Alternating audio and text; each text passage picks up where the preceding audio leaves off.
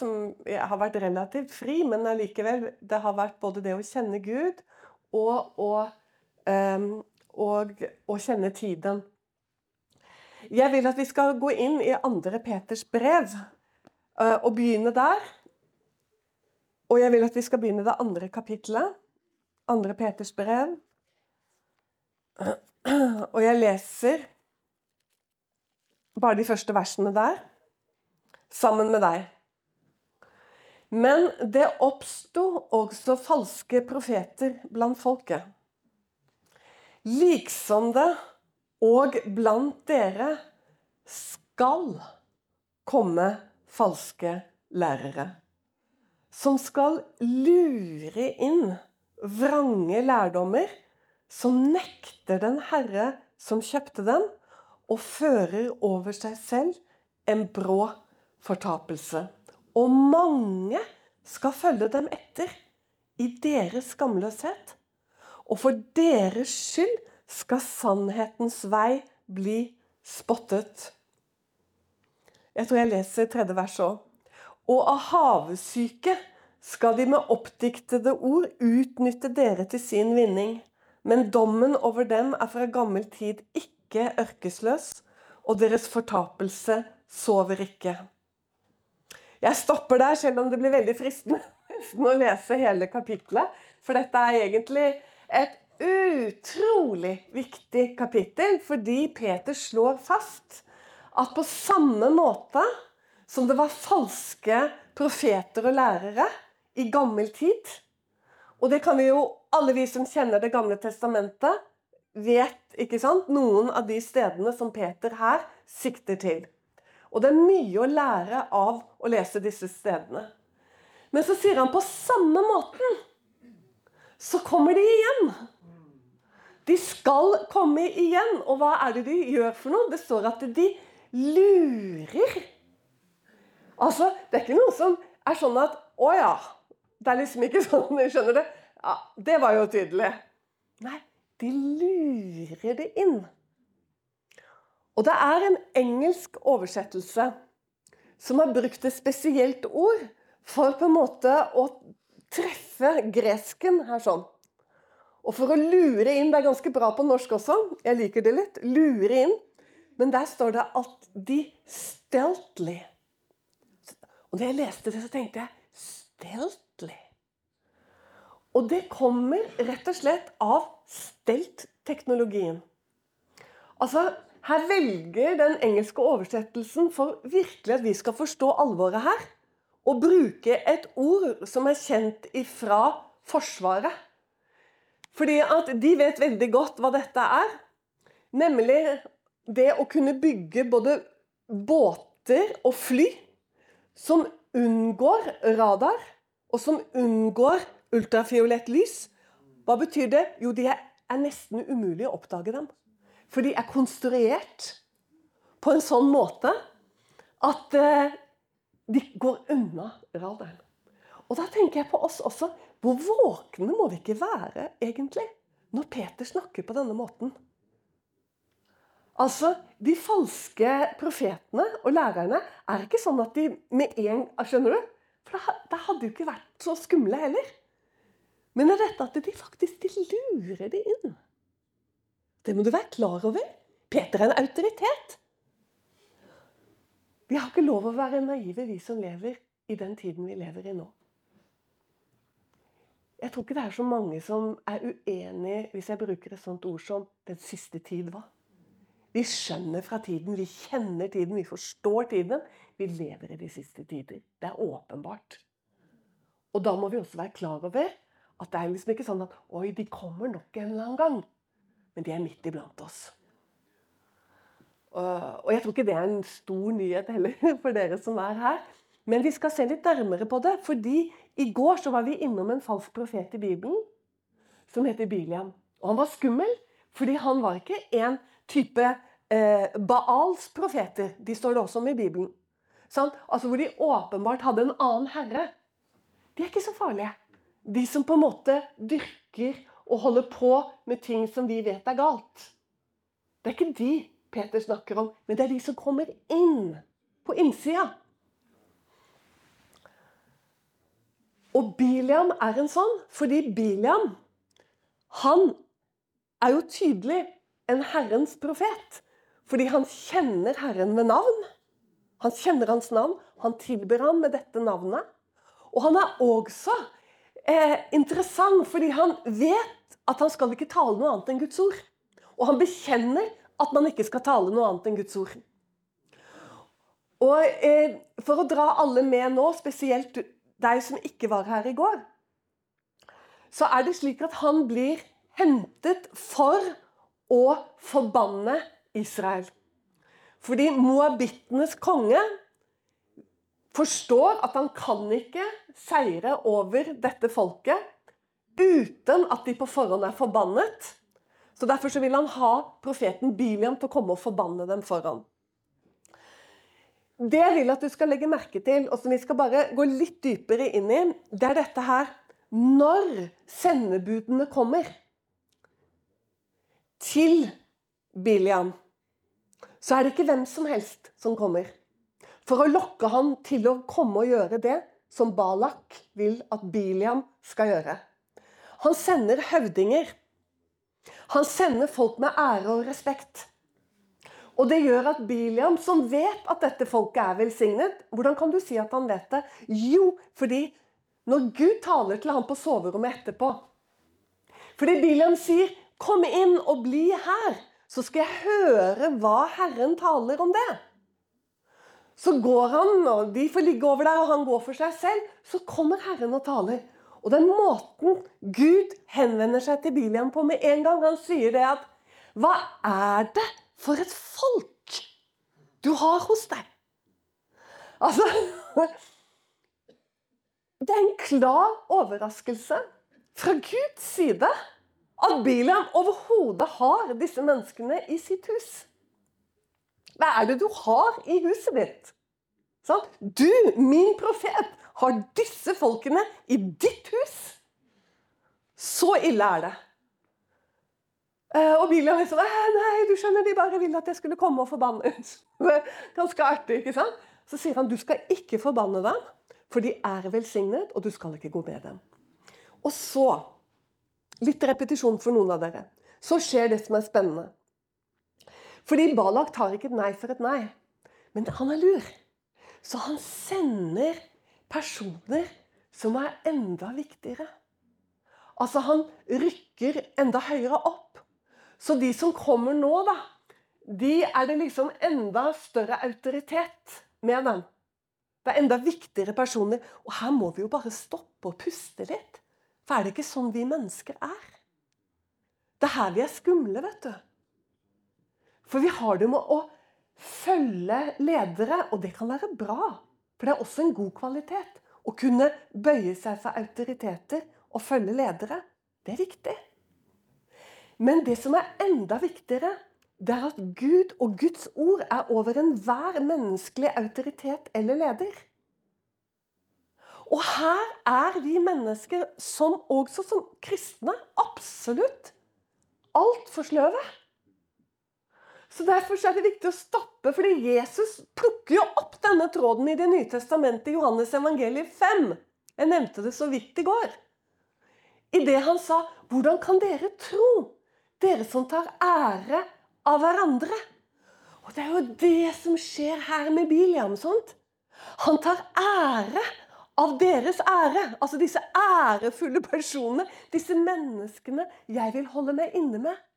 Disse menneskene som er, har et nettverk som jeg vil være en del av. Forstår du? Så Jesus sier, 'Hvordan kan du tro?' Hvordan kan dere tro, dere som tar ære av hverandre? Det var Jesus som sa det. Han kjenner oss så godt. Han, han er så avslørende i det han sier. For det er jo akkurat det som er så skummelt med oss, da. Det er at hvis de og de mener sånn og sånn, og, og guri, da tør ikke jeg, og nå begynner alle å mene det. Liksom. Og presset blir jo stort da, vet du, når alle begynner å mene det. Og, og, og hør her, kanskje alle, til og med ditt nettverk begynner å mene det, hva gjør du da? Det er her, skjønner du, troskapen kommer inn. troskapen til Gud. Og Biliam han blir så smigret han av disse Så han, han sier Jeg kan ikke tale noe annet enn det Gud har sagt at jeg skal tale. Men kom og bli over. Så skal jeg høre om han har noe mer å si. Er ikke den interessant? Det er jo sånn Du kunne liksom bare lukke Bibelen og sitte og grunne på det en, en time. Så skal jeg bare høre om han har noe mer å si. Liksom, Var ikke Gud ganske klar? Du skal ikke gå med dem, du skal ikke forbanne dem, fordi de er velsignet. Jeg skal høre om de har noe mer å si. Hva er det som skjer her? Han vil så gjerne holde seg inne med moabittene. Han vil så gjerne få ære av dem og være en del av dette. Og overraskende nok så sier Gud 'dra med dem', men taler ikke noe annet enn det jeg legger i munnen din. Og så kommer det en seanse som jeg ikke tok med i går. Jeg må bare gjøre det, for den er så fin. Og det er med dette eselet. Og det er jo en av de historiene som er kjent langt utover menighetens rekker. Om eselet som begynner å tale. Men den veien opp til Moab er ganske interessant. For her har du en vilje som blir åpenbar. Han vet hva han vil, denne Biliam.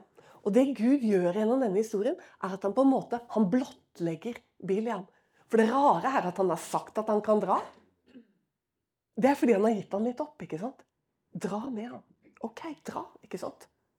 For han vet at Biliam han vil ikke høre på Gud. For da kunne han bare hørt første gang. Han har bare sagt dere må bare reise, jeg kan ikke bli med dere. Men han vil egentlig ikke. Han vil egentlig ikke hjertet sitt høre på han. Og du skjønner, Her kan vi også, for kjøttet er sterkt. Kjødet i oss er sterkt. Fordi at vi har andre ting som er viktig i livet vårt. Andre ting som vi holder for kjært. Og hvis Guds ord kommer i konflikt med det vi holder for så innmari kjært, forstår du? så vil vi egentlig ikke.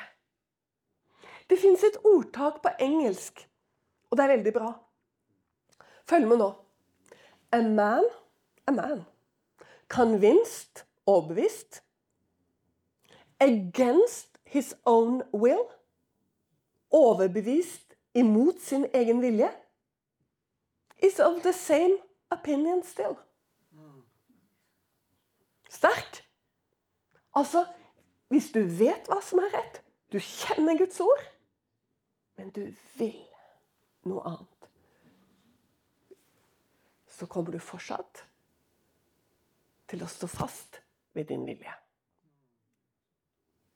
Og Det er dette som blottlegges med Biliam, og som er viktig for Israel som menighet den gang, og for Guds menighet gjennom alle tider, å studere det som skjer her. For det underlige er jo at han får dra. Men allikevel så stiller Gud en engel på veien med et dragets sverd. Og eselet ser det. Og jeg, mange ganger har jeg sett for meg dette opptrinnet med disse her gjeve folkene fra Moab ikke sant? som sitter på sine kameler. skjønner du? Sikkert med skatter, og, og jeg er liksom oppsmykket med flotte stoffer og greier. Så kommer Bilian bak på et esel. Sånn. Og så begynner bare eselet å oppføre seg helt unaturlig. Det bare skjærer plutselig ut i åkeren. Og han begynner å piske dette eselet. Og så er det tilbake igjen, og så klemmer det seg inn i en mur. Og bilen pisker og holder på. Og så til slutt så kneler bare eselet. Og da er det at Gud åpner munnen på eselet, og eselet begynner å tale. Neste som skjer, er at engelen taler og sier det. Hadde eselet reddet livet ditt? Nå, nå, nå, para, liksom, nå, snakker jeg litt på godt norsk. Eselet reddet livet ditt, William. Hadde det ikke vært for det eselet, så hadde jeg drept deg. Og så hadde jeg latt eselet leve. Det er sterk kost. Og så sier han Å! Det er så bra, for vårt kjøtt kommer så tydelig fram i William. Så sier han Å! Var det slik at det var imot din vilje? Ja, men da skal jeg snu. Hvis det var slik at det var imot din vilje Altså, mannen burde jo bare Det er jo ikke noe hvis her. Han står med sverd, ikke sant? Det er ikke noe hvis. Men bare dra. Sånn. Det er denne her underlige situasjonen Han holder på egentlig å bli reddet av eselet sitt, men det blir til fordervelse. For det blir Biliams død, dette her. Du som leser videre i fjerde Mosebok, etter selve hendelsen med Moab, du ser at det blir hans død. Og så er det også interessant Dette er, bare, dette er en parentes, da. Men at englene har lagt merke til hvor mange ganger han har slått eselet. Du har slått eselet ditt tre ganger. Hvorfor i alle dager kommer det fram? Så tenk, Hvor mange ganger jeg har drevet veldig mye med både hunder og ulike dyr, hester og forskjellige ting. Så jeg har ofte sett når mennesker ikke får sin vilje, og de blir sinte, så, dun så, så dundrer de løs på dyr. Altså da, da, slår de dyr, eller sparker dyr, eller, eller sånt. Og det, jeg bare ser han her i bilen. Han vet hva han vil, altså. Og han er så sint. For han ble også gjort til skam. Utrolig historie. Og han blir med like inn i Det nye testamentet. Det står om han i hvert fall tre ganger. Peter snakker om han. Johannes snakker om Bilian. Og Judas snakker om eh, I brevet til Judas kan du lese om Bilian. Han har blitt kjennetegnet, egentlig, på falske profeter. Falske profeter. Vi lurer oss selv hvis vi tenker at det er de der, der ute. Nei, det er de der eh, som kan være midt iblant oss. Og så er det noe som kjennetegner dem. Og Jesus han eh, sier det ganske tydelig i Matteus, i det syvende kapittelet. Vi skal komme tilbake dit. Men jeg har bare først lyst til å bare lese et par ord derfra. Fordi Jesus sier Men vokt dere for de falske profeter som kommer til dere i fåreklær. Men innvortes er de glupske ulver. Det er, ikke, det er ikke et menneske som lever i overgivelse. Kanskje har de aldri gjort det. Kanskje har de blitt frafallende i hjertet, men er fortsatt midt i Guds menighet. Så sier han videre Av deres frukter skal dere kjenne dem.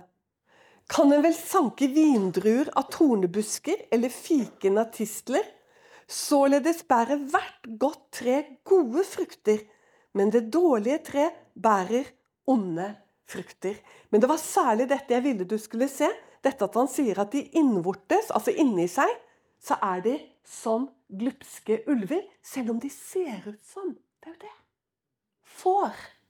Og hvorfor sier han får? Jo, fordi vi er hans får. Den kristne menighet er får. I det bildet Gud bruker på oss da, som får, som hans får. Så de ser ut som et helt vanlig kristent får. Men inni så er det en glupsk ulv.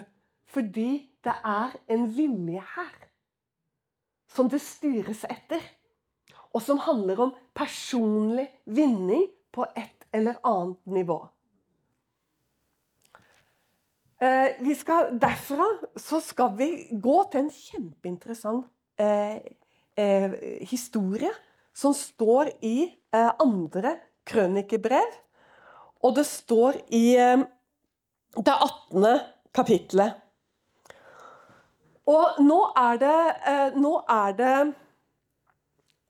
Josafat, som er konge i Juda. Og så er det Akab, som er konge i Israel. For nå snakker vi om det delte riket. Eh, Israel ble delt i to, i Nordriket og i Sydriket. Og det er én konge i Israel, han heter Akab. Han er en ugudelig konge, men han er fortsatt en, eh, han er fortsatt en israelittisk konge. Så er det en konge i Juda som heter Josafat, og han har vært en eh, gudfryktig konge. Som har gjort det som er godt i Herrens øyne. Men hør nå. Så ble det sånn at Josafat han vant så stor ære. Og det gikk så fram med hans tjeneste. Og han hadde sånn utrolig framgang. Og framgang kan også være farlig. For du kan bli delt i hjertet ditt. Han hadde veldig framgang. Og så gjorde han noe som også kan være farlig. Han inngikk svogerskap med Akab. Altså, her ble det ekteskap. Her ble det en blanding. Altså, familien eh, Det ble inngifte mellom Akab og Josafat. Så Josafat måtte etter hvert reise opp til kongen i Israel, for nå var de i slekt. svogerskap. Og når han kommer opp til denne israelittiske kongen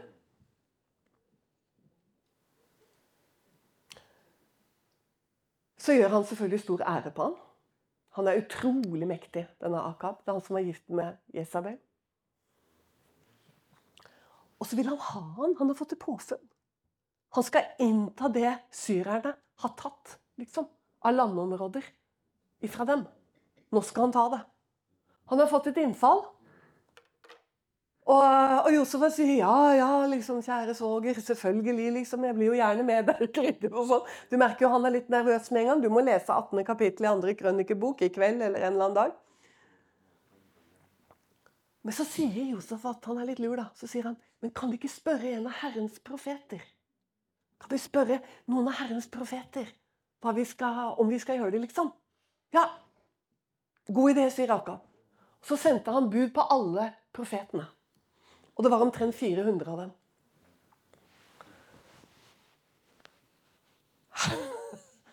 Alle sammen sier det samme. Ja, ja, ja. Dra opp. Skal ha full framgang og lykke. Dra opp mot syrerne. Gå i krig med dem. Herren er med deg. Og Josefat Josafat han blir litt engstelig. For alle, og det skjønner jeg, alle sier det samme. Alle er helt engstelige. Så sier Josefat eh, du har ikke en er, er, det en annen profet her, liksom? Jo, eh, jeg har Mika. Hør nå. Hør hva han sier. Men han profederer alltid så dårlig om meg. du, vi kan le av det, men det finnes, vet du, sånne eh, Hva skal du si? Forkynnere som er litt oppi der i dag som omgir seg med profeter. Som står og liksom backer opp under dem og under tjenesten dem. Og jeg skal ikke gå inn i uhyrlige eksempler av hva jeg har sett og har vært vitne til når det gjelder det. Men jeg skal bare si det, at det er midt iblant oss. Og de bare står der ikke sant? Og er helt enig. Men Mikael sier han, nei, han, eh, han, han profeterer alltid så dårlig.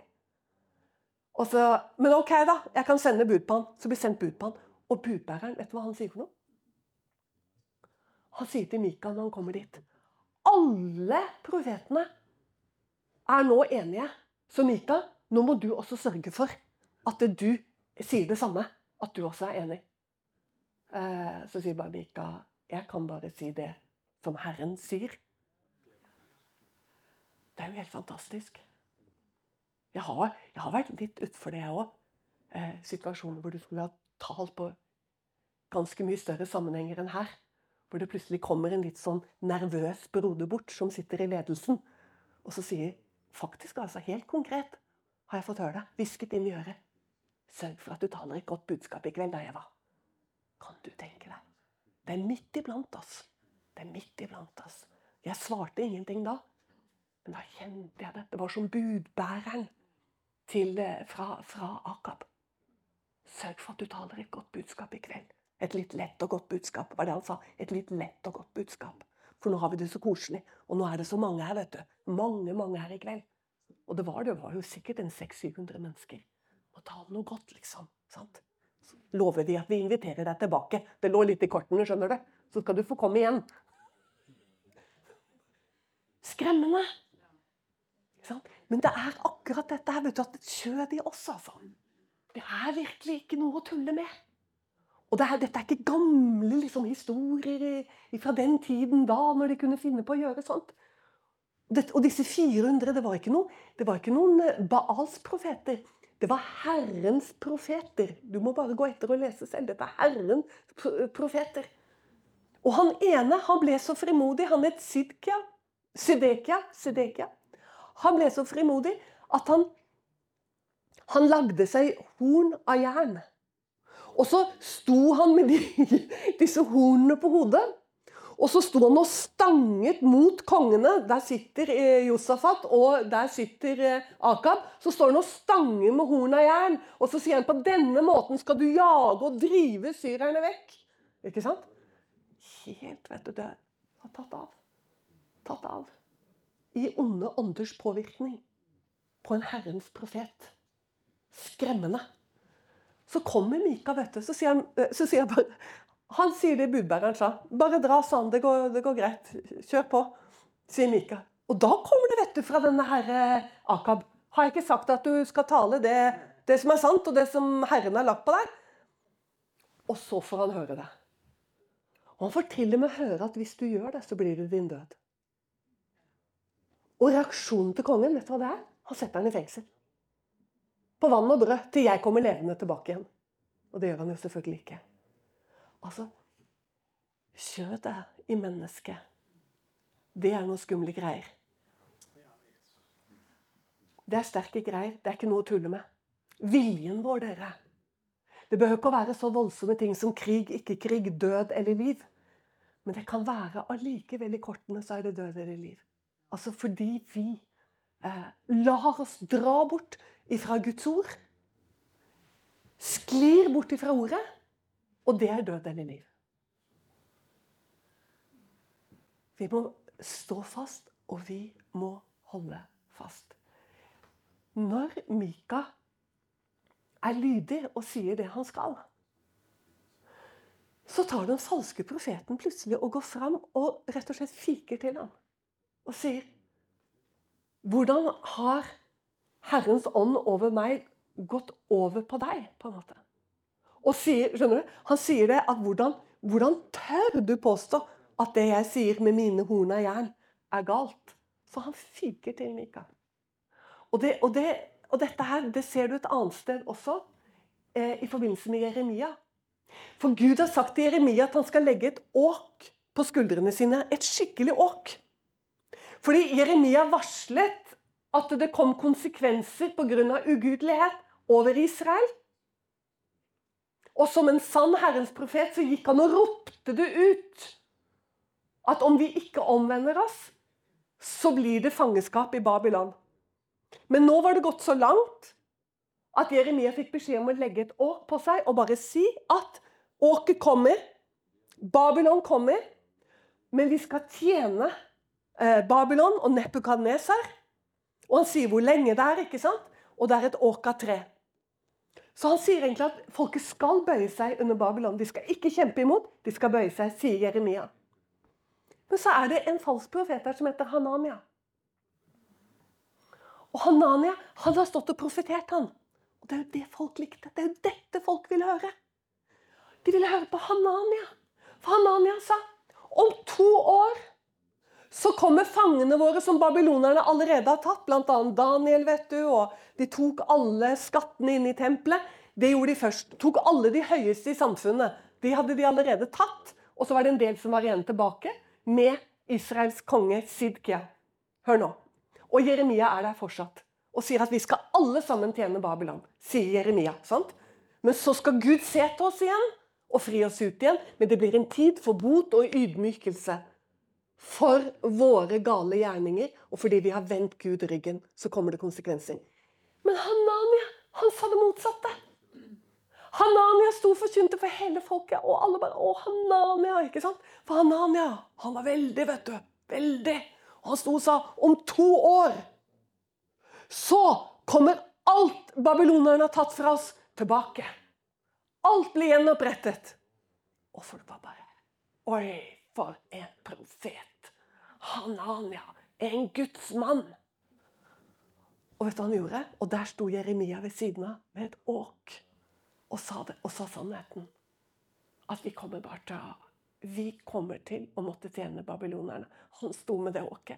Og Hanania han går bort til Jeremia, river av han åket, knekker det i to og kaster det vekk.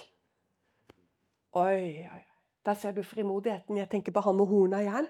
Det er ofte en veldig fremodighet til de som står og taler fred, fred og ingen fare. Nå skal det skje store ting bare tenke på også vår tid. Jeg tenker Dette er en tid hvor menigheten burde, vært på kne, burde vært i gråt. ikke sant? Om omvendelse, om omvendelse. I stedet så kan man la seg friste til å ta store ord i sin munn. Fordi folk elsker å høre store ord. At vi er bare sånn skapt. Vi elsker, vi elsker å høre på en måte Å ja, det er framgang, og det går. Og dette er kjennetegnet alt det. Når det er falskt, så er det alltid fred, fred og ingen fare. Jeremia sa det, han ga oss definisjonen på det. Og det var alltid fred, fred. Fred. Det er ikke noe problem. Det skal gå bra. Hvorfor tror du ellers at Jesus advarer i bergprekenen i det syvende kapittelet? Når han sier eh, det på denne måten Ikke enhver som sier til meg, Herre, Herre, skal komme inn i himlenes rike, men den som gjør min himmelske fars vilje. Hører du? Den som gjør. Gjør! Se på livet! Hvordan lever de i forhold til Guds ord? Se på livet, den som gjør min himmelske fars vilje. Mange, sier han. Det er det jeg sier. Hanania blir mye mer populær enn Jeremia. Jeremia brukte jo store deler av sitt liv innestengt. Satt og gråt i en eller annen ble kalt for den gråtende profet. Herre, hvorfor har du kalt meg? Herre, hvorfor har du sendt meg? Ikke sant? Men her står mange skal si til meg på hin dag. Herre, Herre, har vi ikke talt profetisk ved ditt navn og utdrevet onde ånder ved ditt navn? Sier de, sant? Og gjort mange kraftige gjerninger ved ditt navn. Og da skal jeg vitne for dem. Jeg har aldri kjent dere. Vik bort fra meg, dere som gjorde lovløshet. Og da snakker du ikke Når det ordet her sånn brukes, så er det Du vet at eh, lov kan bety Moseloven, men lov på hebraisk kan også bety rett og slett Guds ord. Læren, rett og slett. Dere som forkastet læren, dere som forkastet ordet. Bort fra meg. Jeg har aldri kjent dere. Vi snakket i går om å kjenne ikke sant, Gud. Men han også blir kjent med oss. Han kjenner oss ut og inn. Men hvordan kan da Jesus, Guds sønn, sier at han aldri har kjent dem? Han kjenner jo alle. Han ransaker hjerter. Han har skapt oss alle. Han vet hvem vi er. Hvordan kan han si 'jeg har aldri kjent dere'? Du skjønner det, at når Gud kjenner oss, og vi lever i den relasjonen med Gud av sannhet, da er du en som tilber Han i ånd og sannhet. Du må være en som tilber ham i, den, i Hans ånd og i sannhet. Lever i sannhet med livet ditt. Forstår du? Derfor kunne Jesus si 'Jeg har aldri kjent dere'. Det er, aldri, det er ikke det møtet ved korset over Golgata. Det er ikke der. Det er en egenvilje. Det er ikke det mennesket som Det er mye bedre å bruke Guds ord enn mine ord. Og hør hva eh, Paulus sier til galaterne. Han sier, 'Men de som hører Kristus Jesus til' Hør nå. De som hører Kristus Jesus til, det er de som kjenner han hva? Er vi enige i det? De kunne ikke han snakke til i Matteus 7, når han sa 'jeg har aldri kjent dere'. Nei, her står det 'de som hører Kristus Jesus til'. Hva er det de har gjort? De har korsfestet kjødet med dets lyster og begjæringer. Og da, dere, den smeller i oss alle. Fordi at det er et liv som skal leves. Det er ikke noe du gjør én gang. For du blir lokket, og du blir fristet, og det blir vi alle. ikke sant? Men det er den trofa, trofastheten mot Kristus i etterfølgelse. Og de falske profetene har ikke korsfestet. Skjønner du?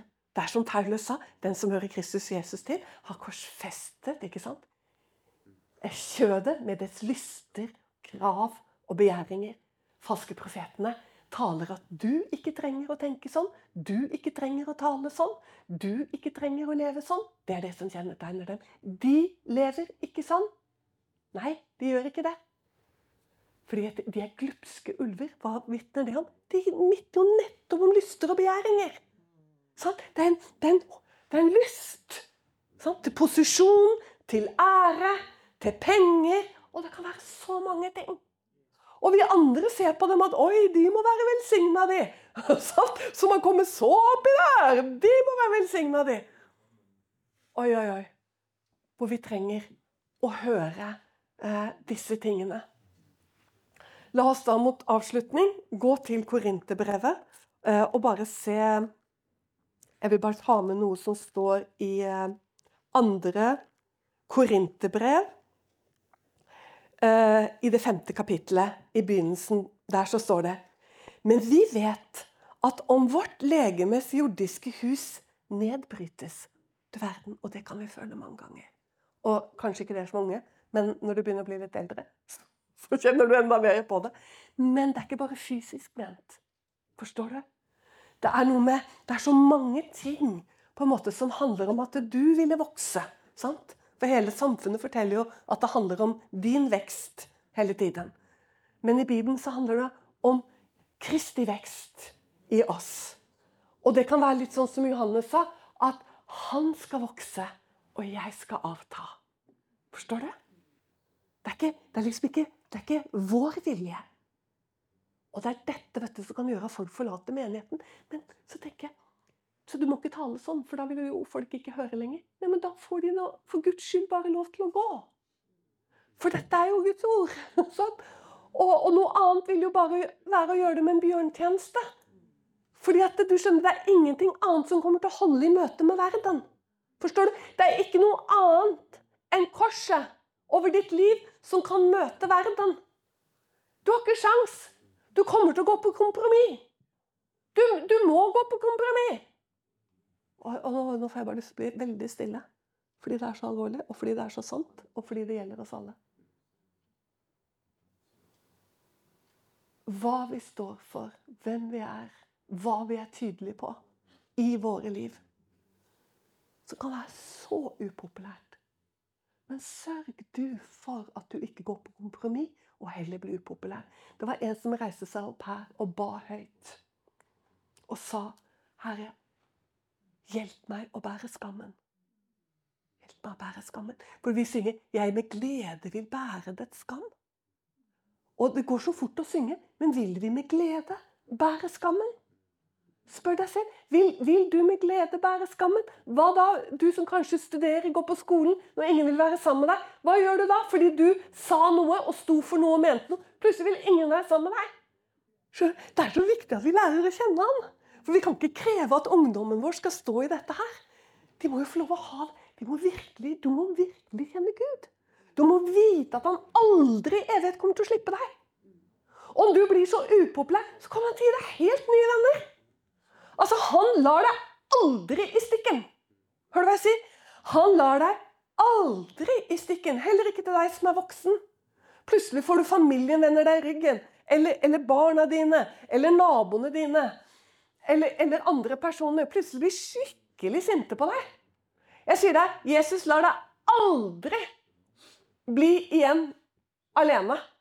Forlatt. Eller han! Hva er, hva er det han gjør? Jo, Han har sånne øyne som farer over hele jorden.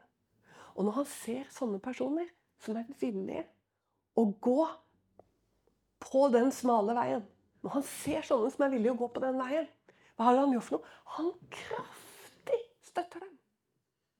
Ja, han, han er så stor, vår Gud! Nå fikk jeg lyst til å synge. Så stor og så mektig! Vær ikke redd for dem. Nei, eh, for han vil eh, gi deg alt det du trenger til. Og det er ingen høy bekjennelse. Han vil gjøre det. Selv om det er vondt å stå i det, selv om du kanskje må stå i det en stund. Det gjør vondt. Men han vil være hos deg, han vil hjelpe deg, og han vil støtte deg. Og her leser jeg videre til slutt det håpefulle verset fra Korinterbrevet. For vi vet at om vår legemes jordiske hus nedbrytes Og jeg kommer jo ikke lenger. For alt jeg har sagt nå, handler om det. Altså, Det kan være tøft i denne verden å gå på den smale veien. Så har vi en bygning av Gud. Vi snakket litt om den i går. Va? Om at vi har kommet inn i Jesushuset, i dette legemet. Vi er skjult bak blodet. Vi har en bygning av Gud et hus som ikke er gjort med hender, og det er evig i himlene. For også mens vi er her, så sukker vi Fordi vi lengter etter å bli overkledd med vår bolig fra himmelen. Så sant vi skal bli funnet ikledd, ikke nakne. For vi som er i denne hytte, vi sukker under byrden. Hør, her, hør hvor realistisk Bibelen Og her Paulus taler om livet ditt. Den som vil leve gudfryktig, sier Bibelen, skal bli forfulgt. Men det går an å være forfulgt når man tjener Jesus Kristus. Fordi han gir en sånn utrolig nåde. Og kraft til å stå i det. Det er nettopp her nåden slår til i full blomstring. Du kjenner ikke Guds nåde før du opplever forfølgelse. Men når du begynner å oppleve urettferdighet Folk er slemme med deg fordi, fordi du står for Guds ord. Hør nå. Da blir du kjent med hva nåden er god for. For det kjenner du ikke nåden. Du kjenner den ikke Du kjenner den til frelse. Du kjenner den til trøst. Du kjenner den til hjelp. Men du kjenner den egentlig ikke ordentlig ennå. Og nå er det ikke dette mine ord. Det er Paulus. Filippe-brevet 1, mener det er 27. Hva er det som står der? Jo, vi har ikke bare fått nåde til å tro på ham, men vi har fått nåde til å lide for ham. Og det er, skjønner du, her at du får kjenne hva nåden er god for. Jeg gir meg med bergprekenen til Jesus. Han sa når de lyver alt mulig ondt på dere, sant? når de raser mot dere, blir sinte på dere, altså, så sier Jesus spring av fryd. Det er jo dette som er nåden. Og det kan komme til å skje òg. Og jeg har opplevd det. Altså, det er så trangt, og du er så pressa. Og så kommer gleden i Herren. vet du. Det er nåden. Vi har fått nåde til å lide for ham. Det er helt fantastisk. Du må teste det ut. Test det ut. Frykt ikke for dem som står Guds ord imot. Vær frimodig. Tal ordet i tide og i utide.